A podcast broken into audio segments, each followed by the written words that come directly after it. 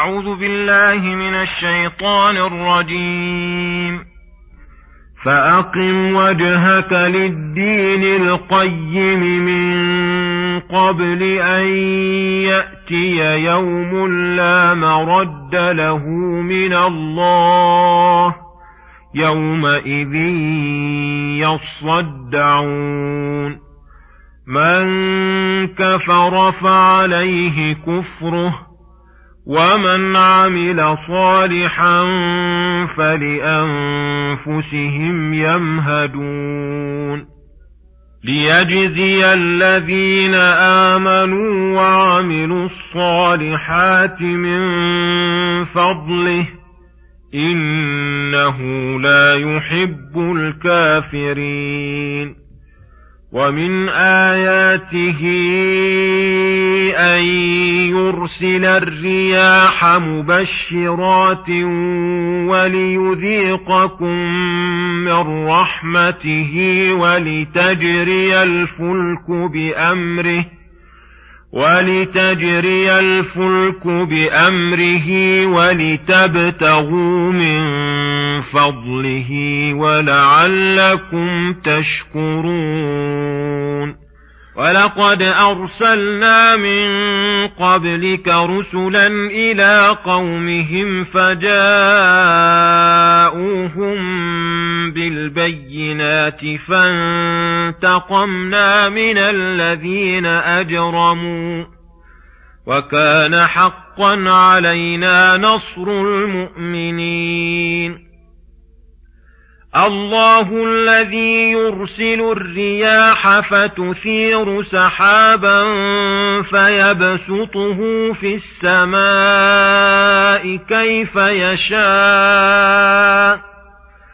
فيبسطه في السماء كيف يشاء ويجعله كسفا فترى الودق يخرج من خلاله فإذا أصاب به من يشاء من عباده إذا هم يستبشرون وإن كانوا من قبل أن ينزل عليهم من قبله لمبلسين فانظر إلى آثار رحمة الله كيف يحيي الأرض بعد موتها. إن ذلك لمحيي الموتى. وهو على كل شيء قدير. ولئن أرسلنا ريحا فرأوه مصفرا لظلوا من بعده يكفرون فإنك لا تسمع الموتى ولا تسمع الصم الدعاء إذا ولوا مدبرين وما أنت بهاد العمي عن ضلالتهم إن تسمع إلا من يؤمن بآياتنا فهم مسلمون بسم الله الرحمن الرحيم. السلام عليكم ورحمة الله وبركاته. يقول الله سبحانه فأقم وجهك للدين القيم من قبل أن يأتي يوم لا مرد له من الله يومئذ يصدعون. الآيات. أن يقبل بقلبك وتوجه بوجهك واسع ببدنك لإقامة الدين القيم المستقيم. فنفذ أوامره ونواهيه بجد واجتهاد وقم بوظائفه الظاهرة والباطنة وبادر زمانك وحياتك وشبابك من قبل أن يأتي يوم لا مرد له من الله. وهو يوم القيامة الذي إذا جاء لا يمكن رده ولا يرجع العاملون ليستأنفوا العمل بل فرغ من الأعمال لم يبق إلا جزاء العمال. يومئذ يصدعون أي يتفرقون عن ذلك اليوم ويصدرون أشتاتا متفاوتين ليروا أعمالهم. من كفر منهم فعليه كفره ويعاقب هو بنفسه لا تزر وازرة وزر أخرى. ومن عمل صالحا من الحقوق التي لله والتي للعباد الواجبة والمستحبة فلأنفسهم لا لغيرهم يمهدون. أي يهيئون ولأنفسهم يعمرون يعمرون آخرتهم ويستعدون للفوز بمنازلها وغرفاتها. ومع ذلك جزاؤهم ليس مقصورا على أعمالهم بل يجزيهم الله من فضله الممدود وكرمه غير المحدود ما لا تبلغه أعمالهم. وذلك لأنه أحبهم وإذا أحب الله عبدا صب عليه الإحسان صب الإحسان صبا وأجزل له العطايا الفاخرة وأنعم عليه بالنعم الظاهرة والباطنة. وهذا بخلاف الكافرين فإن الله لما أبغضهم ومقتهم عاقبهم وعذبهم ولم يزدهم كما, كما زاد من قبلهم. فلهذا قال إنه لا يحب الكافرين. ثم يقول سبحانه ومن آيات أن يرسل الرياح مبشرات وليذيقكم من رحمته ولتجري الفلك بأمره ولتبتغوا من فضله ولعلكم تشكرون. أي أيوة ومن أدلة الدالة على رحمته وبعثه الموتى وأنه الإله المعبود والملك المحمود أن يرسل الرياح أمام المطر مبشرات بإثارتها للسحاب ثم جمعها فتستبشر بذلك النفوس قبل نزوله وليذيقكم من رحمته.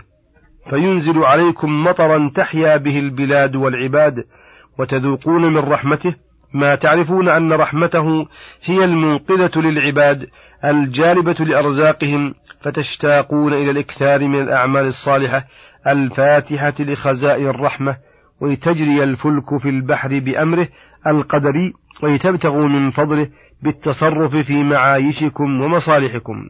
ولعلكم تشكرون من سخر لكم الأسباب وسير لكم الأمور فهذا المقصود من النعم أن تقابل بشكر الله تعالى ليزيدكم الله منها ويبقيها عليكم.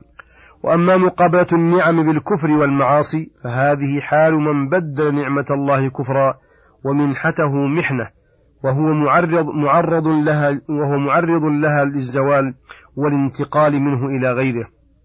ثم يقول سبحانه ولقد أرسلنا من قبلك رسلا إلى قومهم فجاءوهم بالبينات الآيات.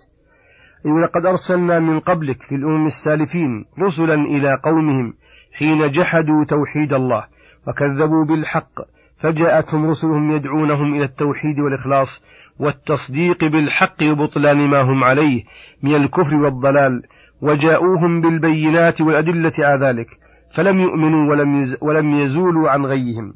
فانتقمنا من الذين أجرموا ونصرنا المؤمنين أتباع الرسل وكان حقا علينا نصر المؤمنين أي أوجبنا ذلك على أنفسنا وجعلناه من جملة الحقوق المتعينة ووعدناهم به فلا بد من وقوعه. فأنتم أيها المكذبون لمحمد صلى الله عليه وسلم إن بقيتم على تكذيبكم حلت بكم العقوبة ونصرناه عليكم. ثم يقول سبحانه الله الذي يرسل الرياح فتثير سحابا فيبسطه في السماء كيف يشاء. الآيات. أخبر تعالى عن كمال قدرته وتمام نعمته أنه يرسل الرياح فتثير سحابا من الأرض فيبسطه في السماء أي يمده ويوسعه كيف يشاء أي على أي حالة أرادها من ذلك ثم يجعله أي ذلك السحاب الواسع كسفا. أي سحابا ثخينا قد طبق بعضه فوق بعض فترى الودق يخرج من خلاله أي السحاب نقطا صغارا متفرقة لا تنزل جميعا فتفسد ما أتت عليه فإذا أصاب به بذلك المطر من يشاء من عباده إذا هم يستبشرون يبشر بعضهم بعضا بنزوله وذلك لشدة حاجتهم واضطرارهم إليه. فلهذا قال وإن كانوا من قبل أن ينزل عليهم من قبله لمبلسين أي آيسين قانطين لتأخر وقت مجيئه. ثم يقول سبحانه ولئن أرسلنا ريحا فرأوا مصفرا لظلوا من بعده يكفرون. أي فلما نزل في تلك الحال صار له موقع عظيم عندهم وفرح واستبشار. فانظر إلى آثار رحمة الله كيف يحيي الأرض بعد موتها. فاهتزت وربت وأنبتت من كل زوج كريم. إن ذلك الذي أحيا الأرض بعد موتها لمحيي الموتى وهو على كل شيء قدير. فقدرته تعالى لا يتعاصى عليها شيء وإن تعاصى على قدر خلقه ودق عن أفهامهم وحارت فيه عقولهم. ثم يخبر تعالى عن حالة الخلق وأنهم مع هذه النعم عليهم بإحياء الأرض بعد موتها. ونشر رحمة الله تعالى لو أرسلنا على هذا النبات الناشئ عن المطر وعلى زروعهم ريحا مضرة متلفة أو منقصة فرأوه مصفرا. قد تداعى إلى التلف لظلوا من بعده يكفرون. فينسون النعم الماضية ويبادرون إلى الكفر.